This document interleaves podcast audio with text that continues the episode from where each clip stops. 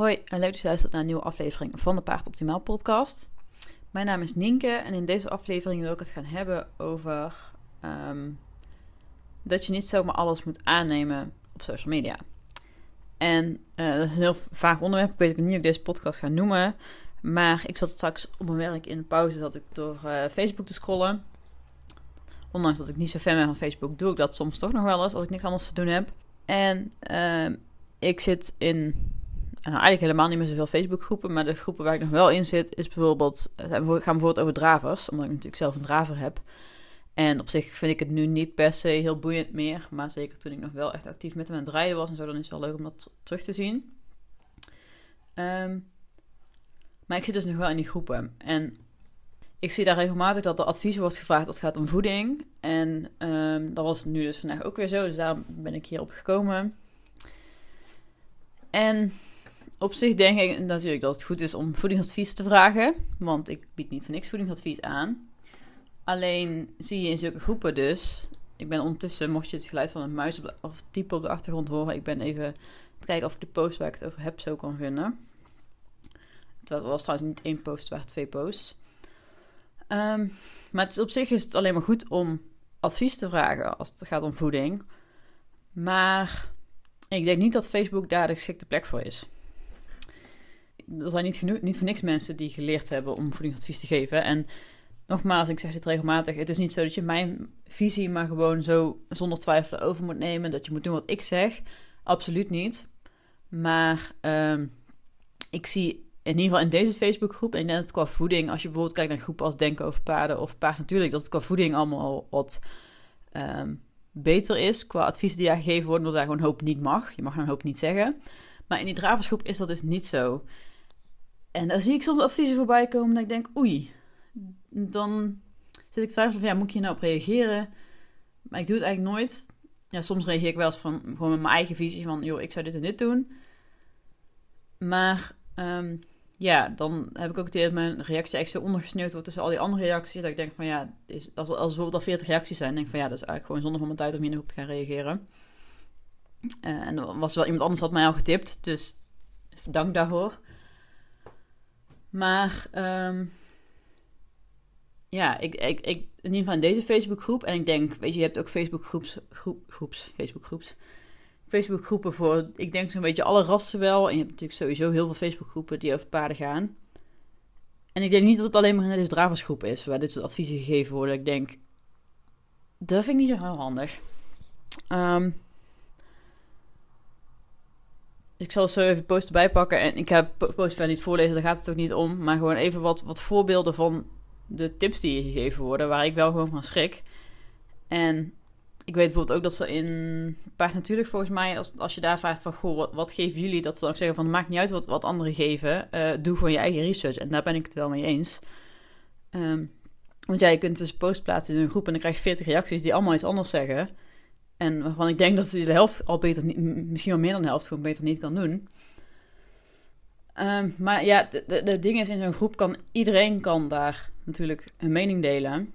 En die mensen, mensen delen daar wat voor hun paard gewerkt heeft. En wat ik me dan alsnog ga afvragen is, want in dit geval ging het om een paard wat te mager was. En zeker bij dravers gaat het daar heel vaak om. Wat zou ik zeggen? Oh ja, wanneer het dus om, om je paard aan, te, aan laten komen gaat, dan denk ik niet dat de gemiddelde paardeneigenaar kan inschatten of het paard daadwerkelijk aangekomen is, of dat het paard lymfatisch is en dus allemaal afvalstoffen in het bindweefsel vasthoudt, doordat het gewoon ongezonde voeding binnenkrijgt. En dat is wel eens voor het ook, ook op. Dus kun je ook denken dat ze aangekomen zijn, maar ze zijn niet aangekomen. Ze zitten gewoon vol met afvalstoffen. En ik denk dat, en dat, dat is maar één van de redenen waarom ik zulke uh, discussies niet zo handig vind. Maar, dus ja, mensen reageren alleen vanuit hun eigen ervaring. Maar hun eigen ervaring is dat hun paard waarschijnlijk op het oog aangekomen is. Maar dat wil nog niet zeggen dat het een gezonde optie is. En dat wil nog niet zeggen dat het paard is aangekomen. Maar Misschien is het paard ook vervangen geworden. Misschien heeft het paard een slechte mest bijgekregen. Um, het gaat niet alleen maar om het stukje... een paard moet op voor het oog aankomen. Er speelt meer mee als het om die voeding gaat. Dus je kunt wel um, bijvoorbeeld 4 kilo merriebrok gaan geven... en dan komt je paard misschien voor het oog aan. Maar of dat nou per se een gezonde optie maakt... ik denk het niet. Dus ja, het is echt niet zo dat ik vind dat alleen maar voedingsadviseurs iets over voeding mogen zeggen.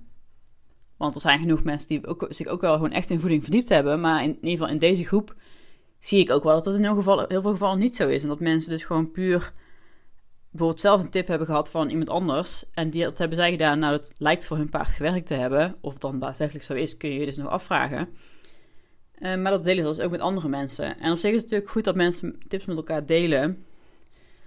Um, maar als je eigenlijk niet goed weet waar je het over hebt, dan kan het gewoon ook wel tricky zijn. Um, dus ik heb ondertussen, ja, het, waren dus twee posts. Ik heb er nu één gevonden. Ik denk dat de andere er wel onder staat. Maar ja, sowieso al worden hier dus gewoon allerlei tips gegeven voor voer. Terwijl als ik lees, mijn paard is te mager, dan denk ik, check op zand, check op wormen, check op maagzweren, check het gewicht. Uh, gebit bedoel ik, niet gewicht, gebit. Dat zijn wat betreft de eerste vier dingen die je moet doen als je paard echt duidelijk vermagert. Naast dat je het natuurlijk wel ondertussen al bij kan gaan voeren, maar je wil weten waarom je paard ineens vermagert en waarom je paard niet aankomt. Want je kunt je paard nog zoveel voeren, maar als het daarom het niet op kunnen nemen, dan is het gewoon echt zonde van je geld. Dus bij heel veel paarden die te mager zijn, moet je juist gaan kijken naar de opname die niet goed gaat. En daar heb ik volgens mij een hele podcast over gemaakt. Um, dus ja, je kunt dan wel om, voer vragen en mensen kunnen allerlei voeren tippen. Maar als je het probleem niet bij de oorzaak aanpakt, dan maakt het niet uit wat je erin stopt, dat werkt niet. En ik denk dat dat wel een aspect is wat, waar een voedingsdeskundige wel naar zal kijken, de meeste dan, een goede tenminste, uh, en waar mensen op Facebook niet naar kijken. Dus is, over het algemeen is het niet alleen een kwestie van, oh, wat moet ik voeren? Uh, nou, dit heeft voor mijn paard gewerkt, dus probeer dit eens. Nee, zo werkt het niet. Want je weet niet wat er met het paard aan de hand is. In veel gevallen weet de eigenaar het ook niet. Want de eigenaar ziet, mijn paard is, uh, is afgevallen. En er wordt vaak niet echt verder gekeken naar waarom dat nou zo is. Er wordt gewoon gekeken, oh, een paard is afgevallen, dus hij moet meer eten. Terwijl er meestal een, uh, ja, meer, meer aan, aan de hand is. Dus bijvoorbeeld in de darm of in de maag. En zeker, ik heb het nu eens over, over die Dravers Facebookgroep. Uh, mijn ervaring is gewoon dat heel veel dravers maagproblemen hebben. Mijn had ook maagproblemen toen hij bij mij kwam. En nu zijn we dan verhuisd. En dan is maag, maag ook het eerste waarvan ik merk dat het daar niet helemaal goed mee gaat. Dus bij hem is dat gewoon wel echt een ding. En dat zie ik bij meer dravers. Um, dus wat mij betreft, als, je, als ik zo'n post, post lees van een paard te maken en er komt niks aan ja, dan denk ik gewoon, de, eh, nou gewoon, dan denk ik, ga alsjeblieft die darmen onderzoeken. Ga onderzoeken wat hier aan de hand is. Ga de onderliggende oorzaak zoeken en niet alleen maar nog drie kilo voeder in stoppen per dag. En dan, als we dan even dat stukje gecoverd hebben, dan is natuurlijk de eerste, tweede, niet de eerste, tweede stap. Dan is natuurlijk de tweede stap is het ruwvoer. Ga een ruwvoeranalyse doen. Wat zit erin? Heeft je paard daar genoeg aan? Is je ruwvoer bijvoorbeeld heel, heel arm in eiwitten en energie? Ga, moet je andere ruwvoer gaan zoeken? Moet je daar gericht op gaan bijvoeren? De, dit, ik vind dit gewoon echt te, complexe stukken. Het is niet voor niks dat mensen voor mij een hele, heel formulier in moeten vullen mijn advies aanvragen. Dit zijn gewoon echt te complexe stukken om zo op Facebook te gooien en daar goede tips te verwachten. En dan zou, als je het dan doet, zou ik het eerder in een groep doen als paard natuurlijk of, of denken over paarden, dan in zo'n groep als deze. Um, maar ja, dit zijn waarschijnlijk ook, niet, ook eigenaren die niet per se heel erg bezig zijn met uh, nou ja, natuurlijke voeding en zo. Maar ik heb dus een van die posts erbij gepakt. En dat is even kijken wat voor tips hier nou gegeven worden van ik denk... Hmm, vind ik niet zo goed idee. Nou ja, sowieso wordt natuurlijk bietenpulp aangeraden. Ja, daar heb ik nog geen podcast over gemaakt. Weet ik niet of ik dat ga doen. Maar ik ben niet zo'n voorstander van het voeren van bietenpulp. Omdat daar uh, pectines in zitten en dat kunnen paarden van nature in het voorjaar wel een paar maanden hebben, omdat het dan ook veel in het gras zit. Maar daarna, daarna vermindert het ook weer in het gras. En dan kan dus ook die groei van melkzuurbacteriën, die door pectine gestimuleerd wordt, die uh, groei kan weer afnemen en die melkzuurbacteriën kunnen we afnemen. Als het paard dan volgens een jaar later weer op, op het pectinerijke gras gaat, komen er weer melkzuurbacteriën bij, gaat, dan gaat, verdwijnt, verdwijnt pectine weer langzaam uit het gras en dan verdwijnen ook de melkzuurbacteriën weer. Dus dat is dus een cirkel waarin het paard zichzelf in balans houdt. Alleen als wij bietenpulp bij gaan geven, dan gaan we er extra pectine invoeren. En dan ga je dus die groei stimuleren. Uh, maar ja, dat wordt natuurlijk altijd aangeraden. Dus uh, nou ja, gewoon bietenpulp, fiberbeat, speedybeat, uh, seniors, prioris. Waarschijnlijk zou ik daar nog een podcast op zich over kunnen maken. Maar, ehm, nou ja, zo wordt ook bijvoorbeeld uh, seniorenvoer aangeraden voor een paard wat 15 is. Nou ja, mijn is ook 16. Is, mijn is 16. Nou, die krijgt gewoon een Esposito brokje en een balancer. Die heeft echt nog geen seniorenvoer nodig. En ja, ik heb nu dus, ik zei dat er waren twee posts en ik heb nu eens even de andere erbij. Maar de post die ik als eerste zag, daarin kreeg paard, was volgens mij een ruin. Ik kreeg nu 4 kilo merriebrok. Uh, ja, dan gaan we mij sowieso al de alarmbellen rinkelen, want het heet niet voor niks merriebrok. En naast dat ik merriebrok überhaupt in de meeste gevallen geen gezond product vind, is dat al helemaal niet voor een ruin.